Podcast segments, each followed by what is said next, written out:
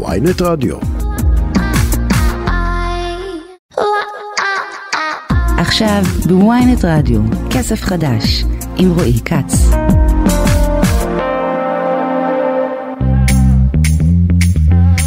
שלום לכם, ארבע דקות אחרי ארבע, ערב טוב, אתם על כסף חדש, התוכנית הכלכלית היומית של ynet רדיו, אני רועי כץ, עורך את השעה יאיר חסון, עמרי יואב על הביצוע הטכני.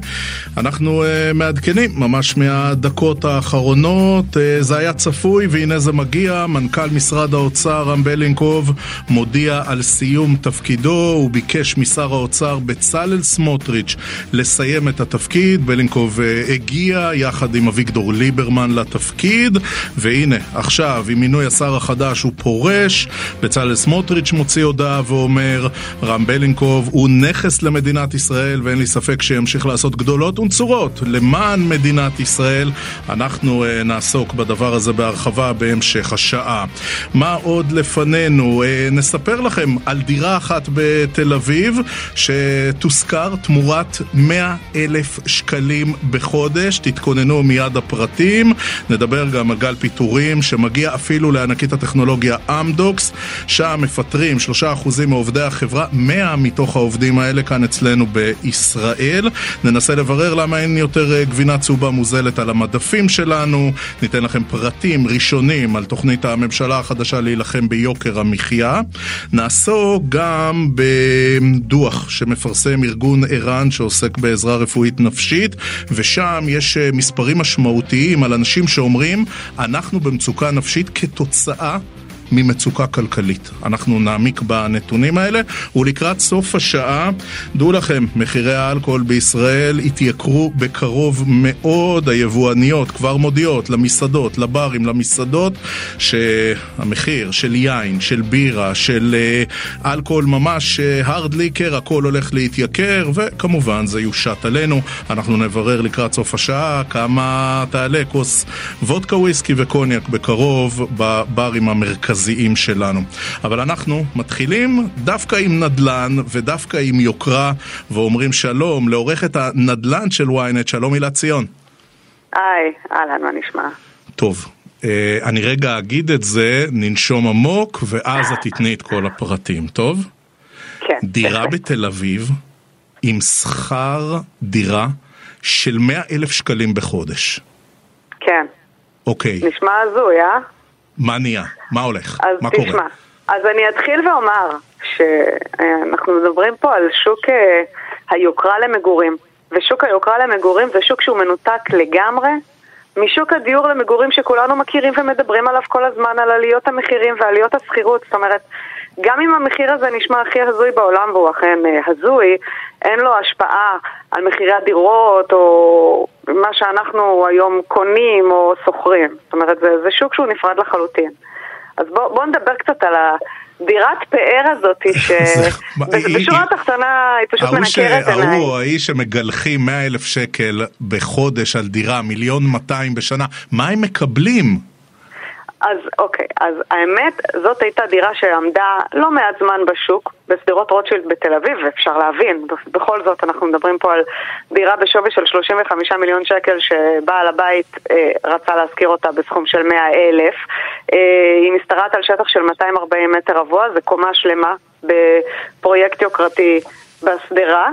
אמ, ומי ששוכר אותה זה זוג תושבי חוץ, כמובן בשוק היוקרה למגורים חשוב לציין בדרך כלל אמ, לא אוהבים להזדהות, לא, תמיד אה, מסתתרים, לא רוצים שידעו כמה כסף אה, מגלגלים.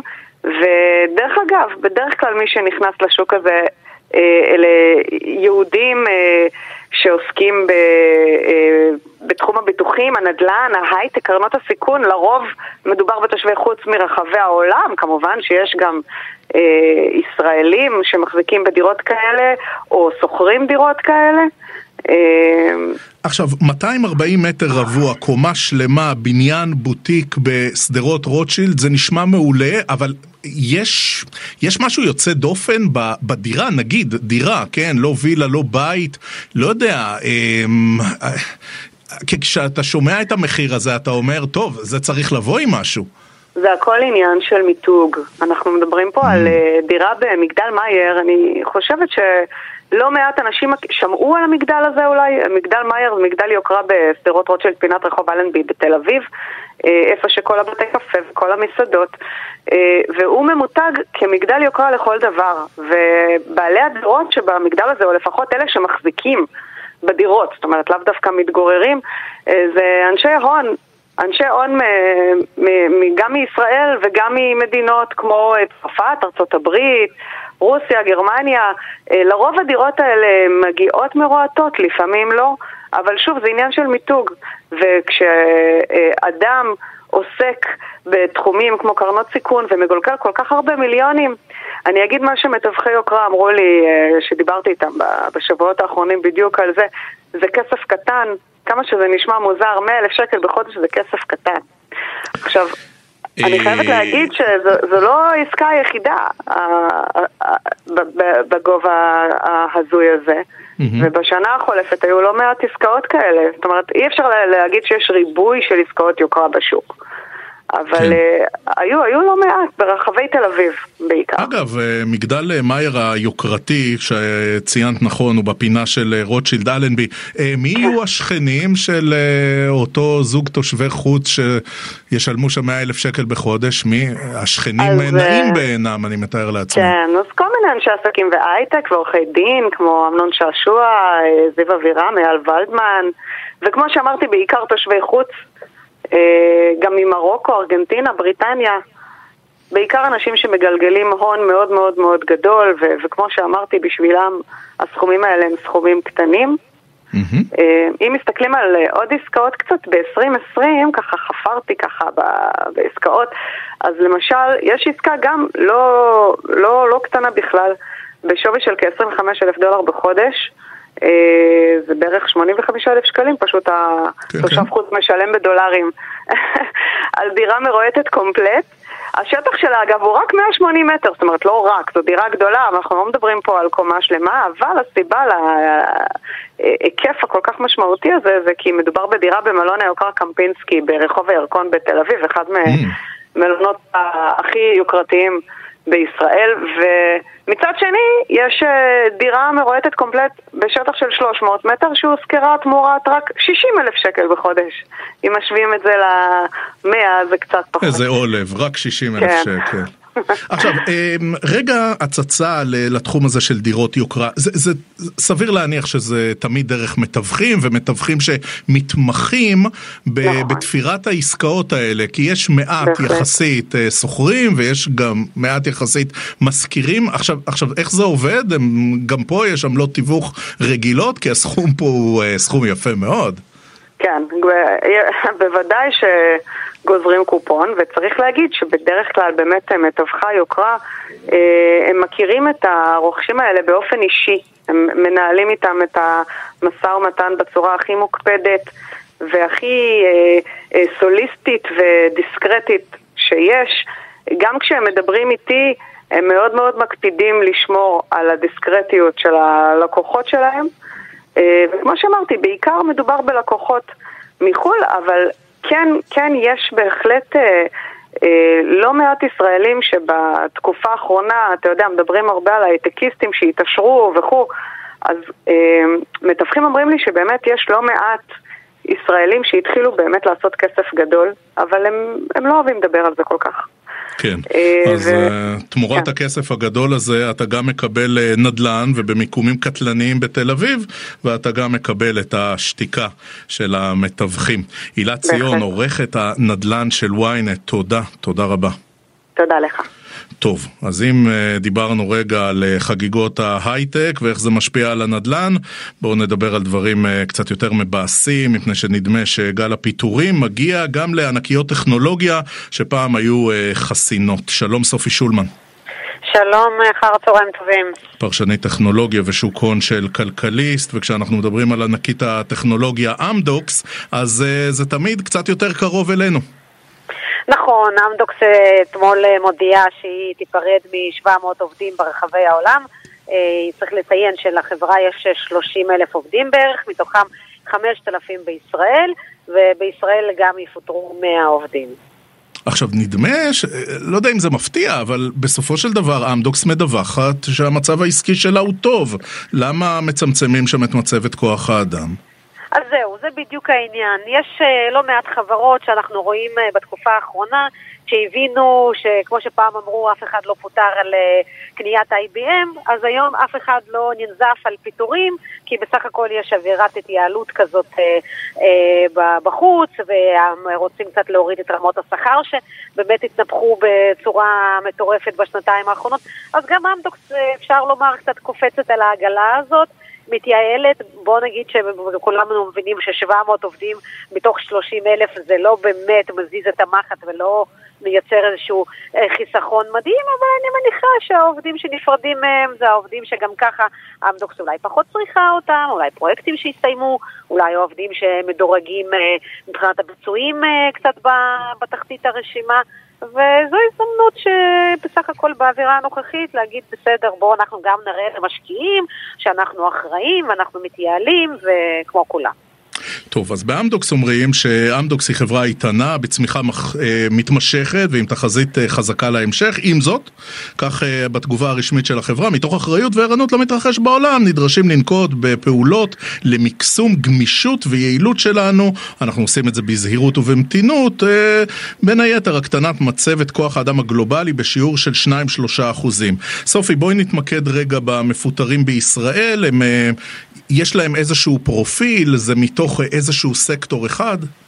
לא, אני לא חושבת, אני באמת חושבת, כמו שאמרתי, שאלה העובדים אה, שאמדוקס כבר פחות צריכה אותם, אולי פה ושם איזשהו פרויקט שהסתיים, אולי פה ושם העובדים הפחות טובים, באמת צריך לציין, זה אפילו קצת מקומם במקרה של אמדוקס, אני חייבת לומר, אמדוקס אה, חברה סופר רווחית, אמדוקס צומחת לא רע, אמדוקס זו חברה עם הכנסות של קרוב ל-4 מיליארד דולר, אה, יותר מ-4 מיליארד דולר בשנה, אמדוקס רק לפני אה, חודשיים הגדילה את הדיבידנד למשקיעים, אה, אז באמת שאני לא חושבת שבאמדוקס אה, צריכים אה, בשלב זה לחפש איזה שהם מקומות שבהם הם חייבים, חייבים לקצץ. נזכיר שאמדוקס זו חברה שהיסטורית היא לא נמנעת מפיטורים, היא הייתה בין החברות שמיהרו לפטר בתחילת הקורונה, היא פיטרה משהו כמו אלף עובדים, ואני לא מדברת על המשבר הדוט קום, שאז אמדוקס ממש הייתה לסמל של הפיטורים הגדולים, היו מביאים אמבולנסים שחנו מתחת לבניינים של החברה, כי חששו מתגובות העובדים באמת להודעה שלהם על הפיטורים. אמדוקס במצב לא רע בכלל. יכול להיות שהם רואים משהו באופק, כמובן, כמו כולם, שיקנו קצת פחות, אבל עדיין, שוב, באותם דוחות אחרונים שבהם הודיע אמדוקס על הגדלת הדיבידנד, הם גם אמרו שיש להם צבר הזמנות של משהו כמו 4 מיליארד דולר ל-12 חודשים קדימה. אז כן. לא הייתי מוטרדת ממצבם.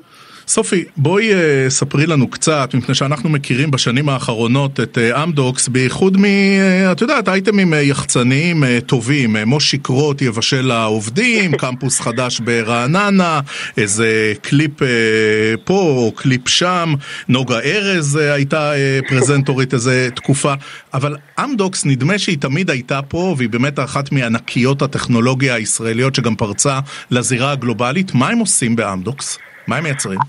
אז זהו, זה בדיוק העניין, אמדוקס מאוד מנסה להצעיר את התדמית שלה, היא לאורך שנים אה, היה לה מאוד קשה גם לגייס עובדים, כי היא נתפסה טיפה מיושנת, טיפה היררכית מדי, אפילו צבאית כזאת. אמדוקס בעצם התחילה כקבוצת עורק עוד בתחילת שנות ה-90, אה, כחברה שעזרה לחבר, למפעילות אה, טלקום לחייב את הלקוחות שלהם, ואחר כך זה מאוד התפתח על ה...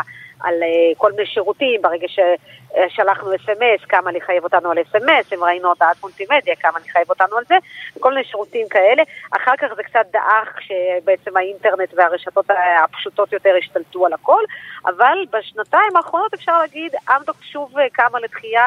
הצמיחה שלה והיא פורחת כי כולם עוברים, אה, כולם אפשר להגיד פחות, בישראל פחות, אבל בעולם כן, בעולם המערבי בעיקר, לרשתות ה-5G, הרשתות החדשות, ושם בעצם אה, פתאום אה, אמדוקס שוב אה, במרכז העניינים, כולם משדרגים את המערכות הקודמות שלה, היא שוב מאפשרת להפיק יותר כסף מהשירותים שאותם מפעילות הטלקום מספקות ללקוחות שלהם, והכל טוב ויפה, אבל עדיין, עדיין, עדיין לאמדוקס יש את הגיבנת הזאת שבסופו של דבר השוק שלה, שהיא פונה אליו, הוא מאוד, מוגבל, הוא מאוד מוגבל מבחינת מספר הלקוחות הפוטנציאליים. כלומר, אה, בסוף אלה רק חברות התקשורת, והיא כל הזמן מחפשת איך להתרחב אולי לעוד אה, תחומים נוספים. כן. אה, סופי, בדקה שנותרה לנו, אה, כשאנחנו רואים ענקית טכנולוגיה כמו אמדוקס, וראינו גם אה, חברות נוספות, אז יש חשש שהשוק יתיישר, ושגם גופים אחרים יראו שזו רוח הזמן, ויעשו את אותם מהלכי התייעלות, שצריך להגיד שהמשקיעים תמיד, הם אוהבים את זה. ברור, המשקיעים אוהבים, ובהחלט המהלך של אמדוקס הוא הראשון ב-2023, אפשר לומר יריית הפתיחה. אה, אני לא אופטימית באמת לגבי כל מה שקשור לכוח האדם בחברות הייטק, למרות שראינו בחצי השני של 22 לא מעט פיטורים, בסופו של דבר זו הייתה עדיין הורדת השומנים, אה, אלה עוד לא הפיטורים שנגעו ככה בליבת, ה... בליבת כוח האדם, עוד כמעט ולא נגעו במתכנתים עצמם, באנשי פיתוח, ואני חוששת שככל שאנחנו נתחיל לראות את המצב באמת הכלכלי האמיתי, הכלכלה הריאלית הזאת, שתתחיל לראות אותה בדוחות הכספיים שיפרסמו החברות בעוד אה, שלושה שבועות והלאה, אני חושבת ששם נתחיל לראות uh, קיצוצים בהוצאות, והקיצוצ... וכשהרבה ארגונים מקצצים בהוצאות שלהם, בסוף מי שמשלם את המחיר זה עובדים בחברות האחרות שמספקות להם את אותם מוצרים, ואנחנו בהחלט נראה עוד פיטורים אלה, זו רק ההתחלה. סופי שולמן, פרשנית טכנולוגיה ושוק הון של כלכליסט, תודה סופי, תודה רבה על הסליחה. תודה, שיהיה ערב טוב. אנחנו מזכירים לכם, אם אתם רוצים להאזין לנו בהאזנה מאוחרת, לכל התוכניות, לכל הרעיונות של כסף חדש, אתם יכולים לעשות את זה במתחם הרדיו של אתר ynet, או בכל אפליקציות הפודקאסטים המובילות. אנחנו שם. אתם מחפשים כסף חדש בשורת החיפוש, יכולים להאזין לנו בכל מקום, כל שעה, כל מכשיר. אם אתם מאזינים לנו כפודקאסט, אז בבקשה, דרגו אותנו וגם תלחצו עוקב, ואז תוכלו לקבל עדכון לכל תוכניות חדשות שעולות. אנחנו uh, מיד ממשיכים עם uh, פרטים ראשונים על תוכניות הממשלה, איך נלחמים ביוקר המחיה, וגם למה אין גבינה צהובה מוזלת על המדפים.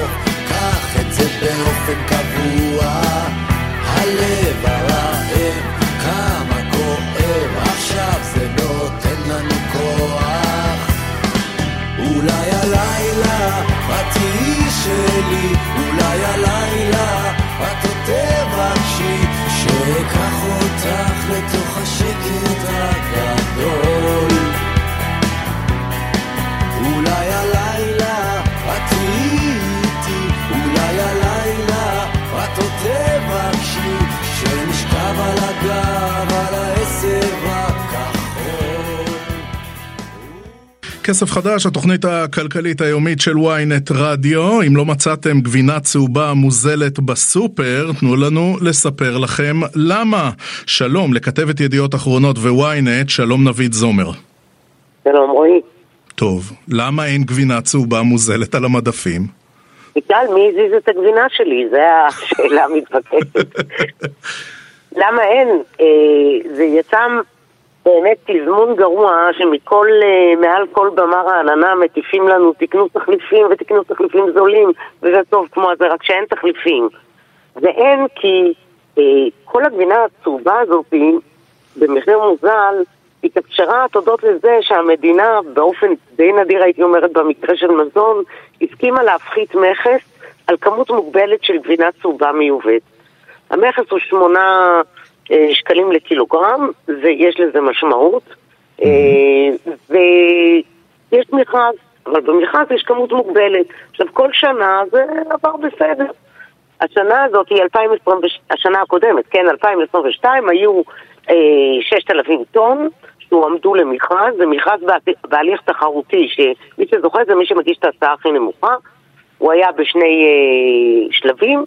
לקחו את כל הסחורה והיו ביקושים הרבה יותר מהרגיל, בגלל המודעות הגבוהה שאם אתה קונה במעדניה על משקל ולא ארוז ופרוץ ככה, אז אתה משלם יותר בזול. נגמרה הכמות, ועכשיו רק בינואר 2023 יוצאת המכסה ל-23. את רצינית? מה, נגמרה פשוט הגבינה? הריק. נגמרה הגבינה.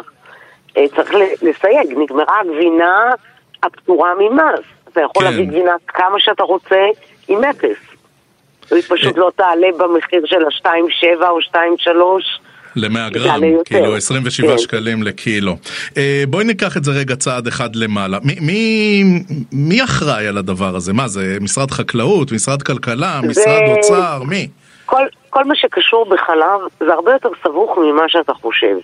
יש, יש לנושא הזה בעצם שלושה משרדים. יש משרד החקלאות, יש משרד האוצר ויש משרד הכלכלה. משרד הכלכלה אחראי על אה, ביצוע המכרזים וחלוקת המכסות. משרד אוקיי. החקלאות אה, אחראי על האינטרסים של המגזר החקלאי. זאת אומרת שהוא יש לו השפעה על הכמות. אבל מי שבאמת יכול להחליט זה שר האוצר, שרק בידיו הסמכות לחתום על צו לפטור ממכס. עכשיו, מה שקורה זה שבשיח בין האוצר לרפתנים בדרך כלל, זה מה שקרה בהסכם החלב האחרון, מסכמים על כמות שהיא גם בכל זאת אה, נותנת איזשהו מענה למחיר הזול, אבל לא פוגעת במשק החלב. כי אני לא יודעת אם אתה יודע, אבל קילו גבינה צהובה עושים מתשעה ליטר חלב. זה המון.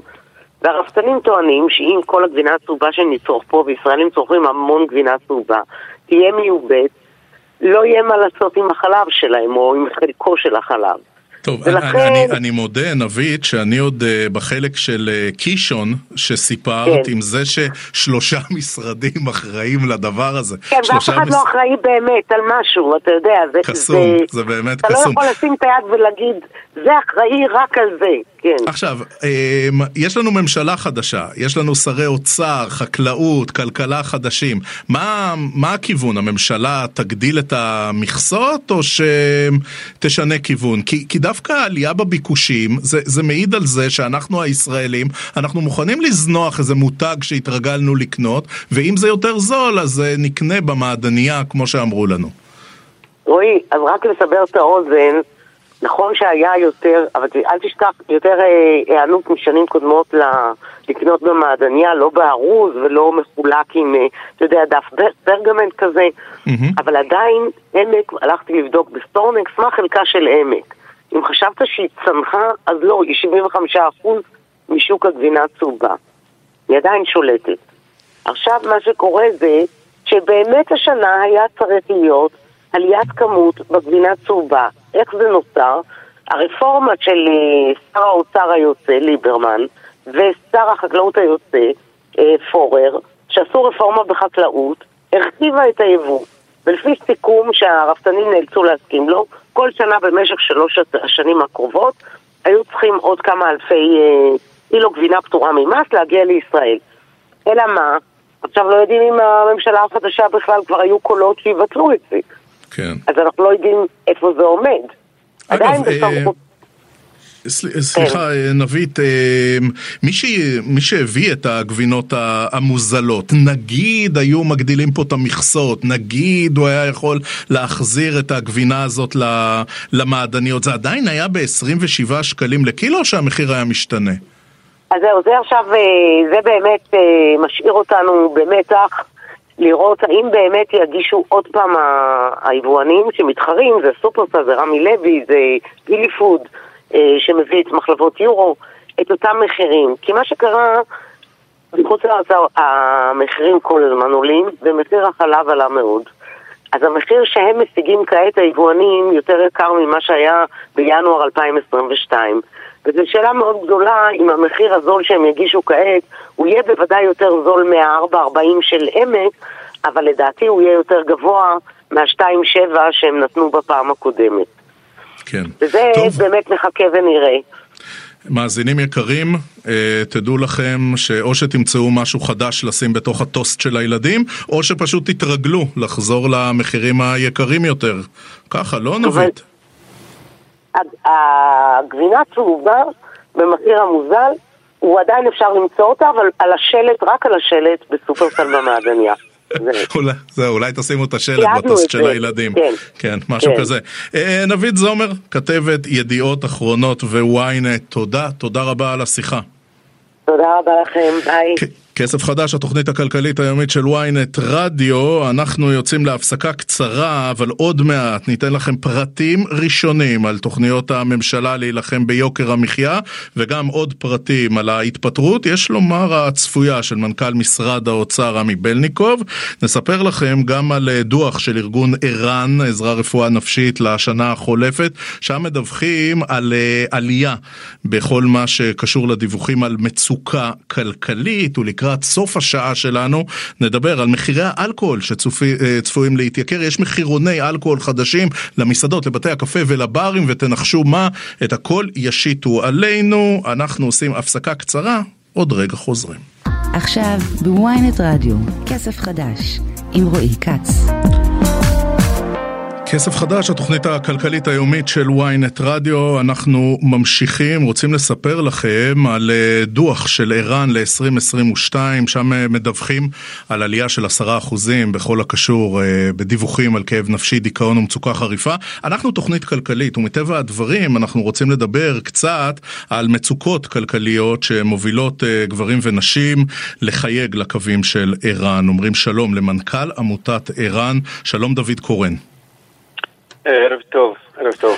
אז אנחנו uh, בדרך כלל, uh, אתה יודע, בכל מה שקשור למפלס הכאב הנפשי של הציבור הישראלי, מדברים הרבה פעמים על uh, דיכאון, מצוקה חריפה ובאמת כאב נפשי. ברשותך נתמקד במניע הכלכלי, ואתם מדווחים על יותר מ-7,000 פניות השנה שהן על רקע של מצוקה כלכלית.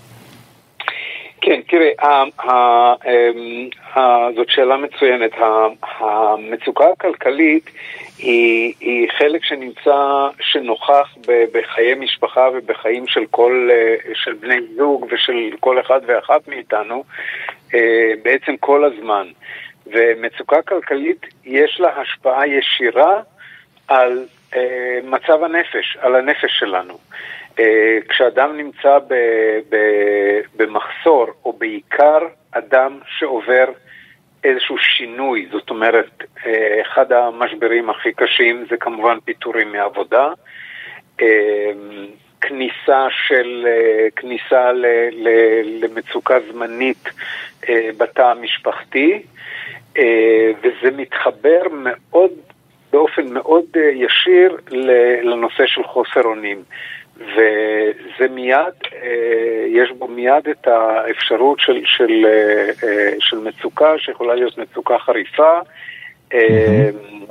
תופעות של דיכאון, כמובן עד לאירועים קריטיים וחמורים של, של ניסיונות אובדניים על רקע כלכלי, זה דבר שקיים, זה דבר שהיה, אנחנו מתמודדים איתו. דוד קורן, כשאנחנו, כשאנחנו מדברים על פניות, על רקע מצוקה כלכלית, יש פרופיל מסוים לאותם פונים על רקע מצוקה כלכלית? אפשר לתת בהם סימנים? אז הפרופיל, או, או הסימן הוא, או אחד הדברים המאפיינים את הפניות האלה, זה מרכיב הבושה.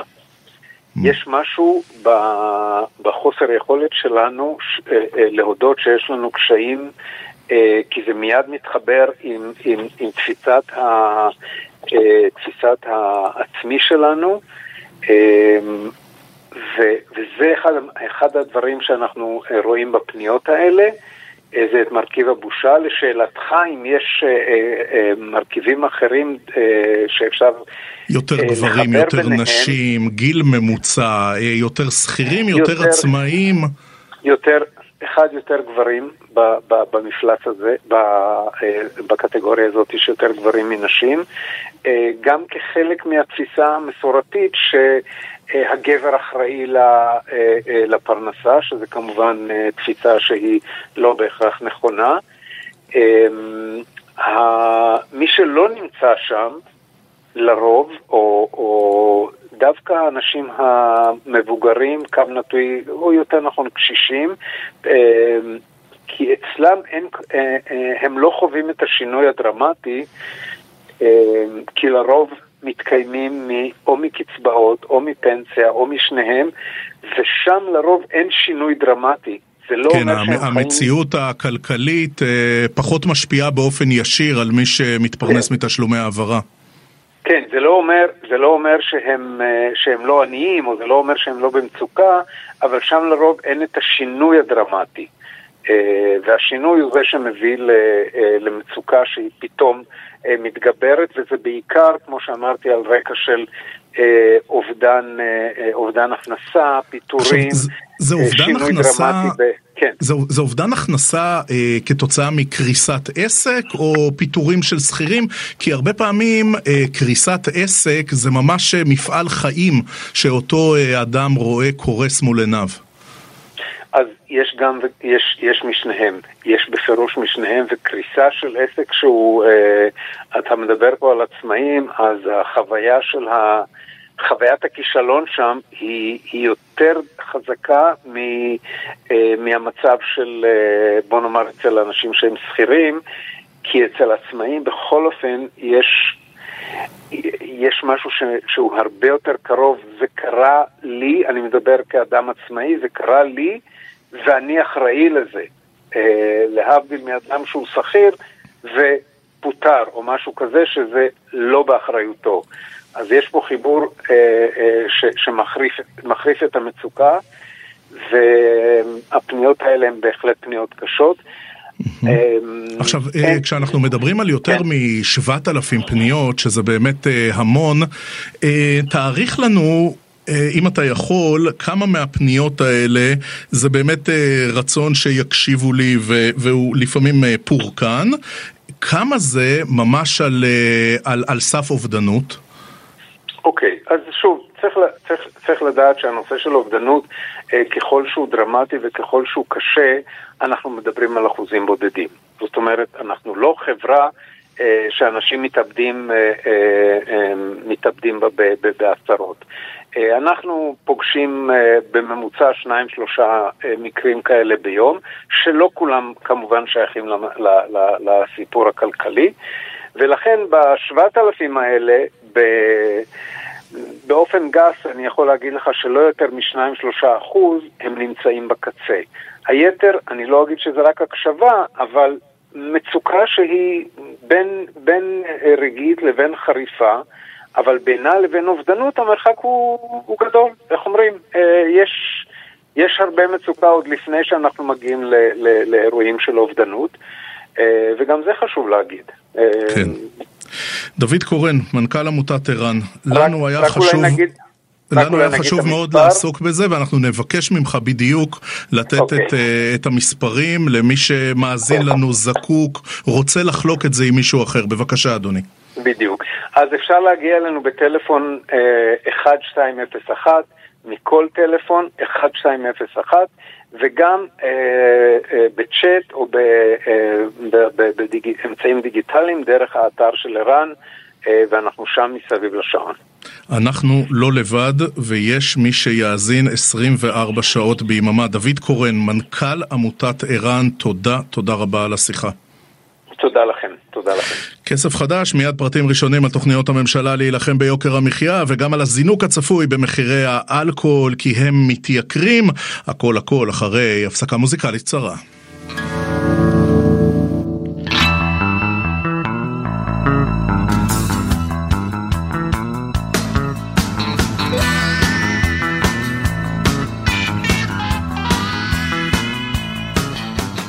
כסף חדש, התוכנית הכלכלית היומית של ynet רדיו. אנחנו ממשיכים, אומרים שלום לכתב, לפרשן הכלכלי של ידיעות אחרונות ו-ynet, שלום גד ליאור. שלום רב. לפני שעה קלה, מנכ"ל משרד האוצר רם בלניקוב, הוא מודיע על סיום תפקידו. גד, זה היה צפוי, הגם שסמוטריץ' נתן שם איזה דוג... אה, ככה איזה רמז שאולי הוא היה רוצה שבלניקוב יישאר. כן, מצד אחד הוא אמר את זה בטקס, מצד שני הוא מחפש מועמדים, אנחנו יודעים על לפחות שלושה מועמדים, את אה, מנכ"ל האוצר, שהוא שוחח איתם, וכאשר מישהו מרגיש שמחפשים לו מחליף, אז הוא אומר, אם כך, אני אלך הביתה.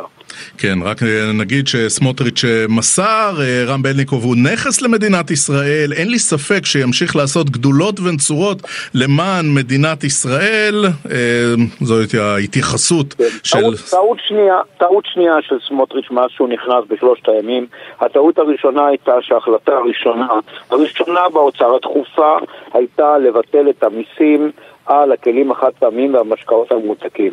אני לא אומר שלא צריך לבטל, אבל זו ההחלטה הראשונה, לא יותר חשוב לעסוק בחשמל, בארנונה, במים, בהתייקרויות אחרות, אולי אה, אה, בדברים אה, ברומו של עולם, אז זו טעות אחת. טעות שנייה, אדם מנוסה. כמו רם בלינקוב, שכבר היה ראש אגף תקציבים, שהיה מנכ"ל משרד האוצר, שמכיר היטב את המשרד, טוב היה אם היה נשאר שם עוד חודש-חודשיים, תחליף אותו, אבל חכה חודש-חודשיים, אתה בתקופה קשה, אתה צריך להכין תקציב, אתה צריך להכין חוק הסדרים, יש לך מכת התייקרויות, יש מחירי דירות שעולים. אמ, לגרום למנכ"ל ללכת הביתה ממש ממש על ההתחלה, כשתשעה אנשים בכירים, הבכירים ביותר במשרד האוצר, עוזבים אותו עכשיו, לא כי פיטרו אותם, כי נגמר החוזה שלהם, לטעמי זו טעות.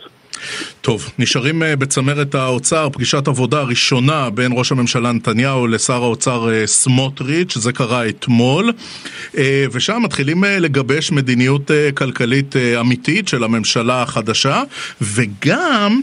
יש פה קאמבק של הפרופסור אבי שמחון, פעם יושב ראש המועצה הלאומית לכלכלה, ואולי בקרוב שוב יושב ראש המועצה הלאומית לכלכלה. בוא נוריד את המילה אולי, הוא יהיה.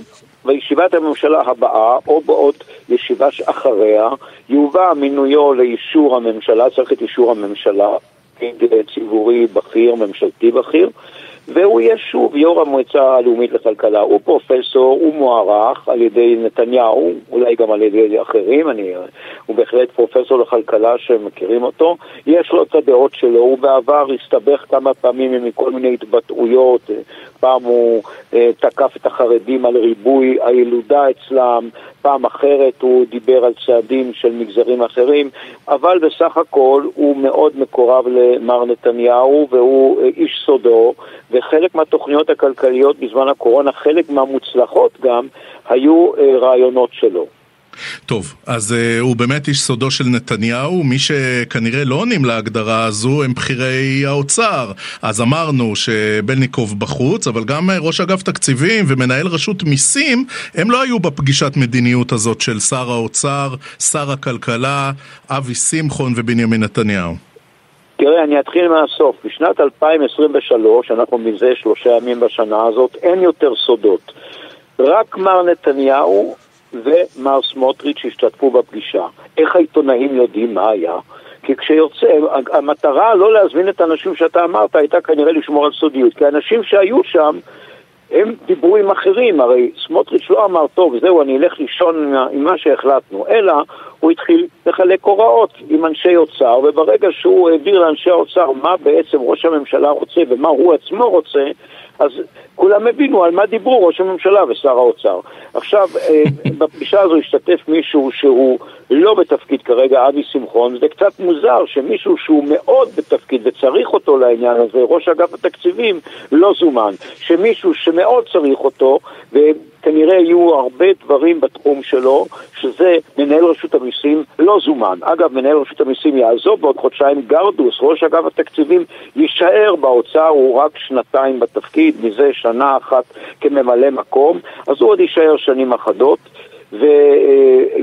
אחד היחידים שיישאר. אגב, גם החשב הכללי יישאר, יעל אה, אה, אה, רוטנברג, וגם הוא לא היה בפגישה, וגם הכלכלנית הראשית, שירה גרינברג, שתישאר, שתמיד נותנת את התחזיות, הרי צריך לדעת מה עומד להיות כאן, כמה אחוזי אבטלה, כמה אחוזי צמיחה, מה התחזית העדכנית, מה קורה בעולם, לתת סקירה גם לא הייתה. אז אני לא תוקף כרגע את ראש הממשלה ושר האוצר שהם לא היו, אבל אני, בכל זאת, הייתה פגישה ראשונה, אבל אני מצפה מאוד שבפגישות הבאות הם יהיו. עכשיו ודאי המאזינים יגידו, בטח הוא רוצה שידליפו לו. אז אני אומר, גם כשרק שניים משתתפים, רק ראש הממשלה ושר האוצר, אנחנו כן. העיתונאים יודעים, ראו את הכותרות באתרים, ותבינו שהעיתונאים כבר יודעים מה היה בפגישה הזאת. גד, עכשיו... בדקה שנותרה לנו, בוא נדבר על אה, מה החלו בכירי האוצר לבדוק אה, עבור סמוטריץ' ונתניהו. נכון, בקיצור רב, ובכן, את או הקפאת או הפחתת ההתייקרות במחירי החשמל, סוגיה אחת. סוגיה שנייה, כרגע לא להוריד את מחיר הדלק, את המס, אבל אם הנפט יתייקר בעולם, כן להוריד שוב את המס על הדלק. יכול להיות שטיפול כרגע לא דחוף, אבל יהיה טיפול במחירי המים שעלו רק בשלושה אחוזים וחצי, ובמחירי הארנונה שעלו באחוז אחד וארבע עשיריות, לא כל כך דחוף אה, כמו החשמל. חשמל זו באמת מכה לכיס, וכנראה שהפרסום הראשון, הדבר הראשון שיהיה, שהממשלה הזאת תעשה, יהיה לטפל במחירי החשמל. כנראה, וזה מה שהם יכולים לעשות, מאחר שרשות החשמל היא עצמאית, כנראה לתת הלוואה לחברת החשמל ביותר משני מיליארד שקלים. גד ליאור, כתב, פרשן כלכלי, ידיעות אחרונות וויינט. גד, תודה רבה על השיחה. תודה רועי. טוב, עכשיו אנחנו רוצים לדבר על אה, מחירי האלכוהול שצפויים להתייקר מאוד, זה לא משנה אם תשבו בבתי קפה או במסעדות או בברים, זה גם לא משנה אם תזמינו בירה, יין או אה, אלכוהול של ממש, אתם תשלמו יותר. אנחנו אומרים שלום, מייקי בייניש, אתה מבעלי מסעדת ארנולד בצפון תל אביב, שלום מייקי. ערב טוב רועי, מה נשמע? אני בטוב, אה, ואתם מקבלים אה, עדכון מיבואנית אחת אה, גדולה ומשמעותית שאומרת לכם שכמה ממותגי האלכוהול הכי פופולריים שאתם מגישים שם על הבר של ארנולד, בקרוב אתם, לפחות מהצד שלכם, תשלמו הרבה יותר. לגמרי, קיבלתי בוקר מייל עם טבלת מחירים עדכנית. הייתי עוד אופטימי כשפתחתי אותה, עד שפתחתי אותה, וגיליתי עליית מחירים היסטרית. בכל סוגי האלכוהול, מוויסקי עד בירה, עד ליקר, עד כל דבר. זה הגיע לרמות של עלייה של 29% של חלק מהמוצרים. עכשיו, כשיבואנית אה, ושחקנית משמעותית כמו הכרם מודיעה לכם, אה, בעלי המסעדות, הברים, בתי הקפה על ההתייקרות הזו, ואנחנו מדברים פה על אה, מותגים, מותגים מצליחים מאוד, וודקה, סטולי, וויסקי, גלנפידיך, ביינות, כמה מהשחקנים המרכזיים ביותר. איך זה יבוא לידי ביטוי כשאני יושב על הבר? אתם תשיתו את זה בלית ברירה ללקוחות, נכון? עם עליית מחירים כל כך גבוהה, אני חושב שלא תהיה לנו ברירה אלא לגלגל את העלאת מחירים ללקוחות, ואני אומר את זה בצער רב מאוד. עכשיו, יש, אה, הרבה פעמים אה, אומרים לנו, טוב, נו, אה, אז אה, מותג אחד העלה אה, מחירים, אה, למה שלא תשתו משהו אחר? אבל כשמדובר בשחקנית אה, גדולה כל כך כמו הכרם, אה, אתה יודע, זה, זה, זה, אני לא אגיד שזה כל המותגים שיש אה, בבר, אבל אה, קשה יהיה לברוח מזה. קשה יהיה מאוד. מעניין מה תהיה התחרות עם שאר החברות, והשאלה אם אפשר יהיה לקנות את הדברים בזול יותר ביבוא מקביל ולמנוע עליית מחירים יותר גדולה שתתגלגל לסועדים ולצרכנים. רגע, ספר לנו, מה, מה זאת אומרת יבוא מקביל? יבוא מקביל אתה יכול לעשות נגיד, אני מתאר לעצמי, אני לא נכנס ל, אה, ל, לעסק שלך ואתה יכול לעשות ב, באלכוהול ממש, או בנגיד יין, אבל בבירה אתה גם יכול לעשות יבוא מקביל? היום יש יבוא מקביל כבר בכל, בכל ה, כל סוגי האלכוהול. כולל יין, כולל בירה. אם לא כן. לא תהיה לנו ברירה, זה מה שנאלץ לעשות. מייקי, תן לי רגע אה, לשאול אותך, אתה מכיר את הלקוחות אה, הרבה שנים ואתם אה, מוסד תל אביבי מטורף שפועל יותר מ-60 שנה, כשעל הבר שלך יושבים אנשים ואתה אומר להם הגלן פידיך, הכוס עלתה ב... לא יודע מה, חמישה שקלים, עשרה שקלים, אולי יותר, הם יתעקשו וישלמו או שהם יגידו, טוב טוב, בוא נראה מה עוד יש לו להציע כי הם לא ישלמו כל כך הרבה בשביל כוס וויסקי? תראה, גם ככה הכל פה נהיה נורא נורא יקר, ואין תחום שלא עלה. דברים שכן נאלצנו בגללם להעלות מחירים, ונורא נורא נמנענו מזה וניסינו, עד שלא הייתה ברירה, אז אני משער שפשוט הלקוח יבחר וינסה מותג זול יותר, לרדת אה, מרמת הגלן פידיך לוויסקי יותר פשוט וזול שהמחירים שלו לא עלו. כן. אמ, איך אתם, כעסק כל כך אה, ותיק, אה, מסתכל על זה? הרי בסופו של דבר, אתה יודע, כשאני או לקוחות אחרים, כשנבוא לשבת אצלך על הבר ונראה את המחירים שקפצו, אתה יודע, מה אנחנו יודעים על הכרם? מה אנחנו יודעים על היבואניות? מה אנחנו מבינים בזה? אנחנו יודעים שפתאום הוויסקי שלנו, או הוודקה שלנו, עולה הרבה יותר. איך זה במערכת היחסים עם הלקוחות הוותיקים, עם הקבועים? אז לצערי הלקוחות רואים את זה בעין מאוד מאוד לא יפה. אה, קשה להם גם להבין שאתה מקבל מספקית כל כך גדולה עליית מחירים כל כך רצינית, קשה להם, הם לא מקבלים את זה, הם בדרך כלל מאוד מאוד כועסים. אה, אני חושב שטוב זה לא יעשה, אבל לצערי גם זה מצטרף לשאר המחירים במשק, מרמת החשמל, המזון, עכשיו גם האלכוהול. גם הארנונה. לנשום זה בחינם, זה המזל. כן, אבל uh, לשתות זה יעלה לנו בקרוב הרבה הרבה יותר כסף, אבל אם אתם עושים את זה, אה, ארנולד בצפון תל אביב, בחוויה האולימפית, זה אחד המוסדות הכי שווים של העיר. מייקי בייניש, מבעלי מסעדת ארנולד בתל אביב, תודה, תודה רבה. תודה לך רועי, תודה, ערב טוב.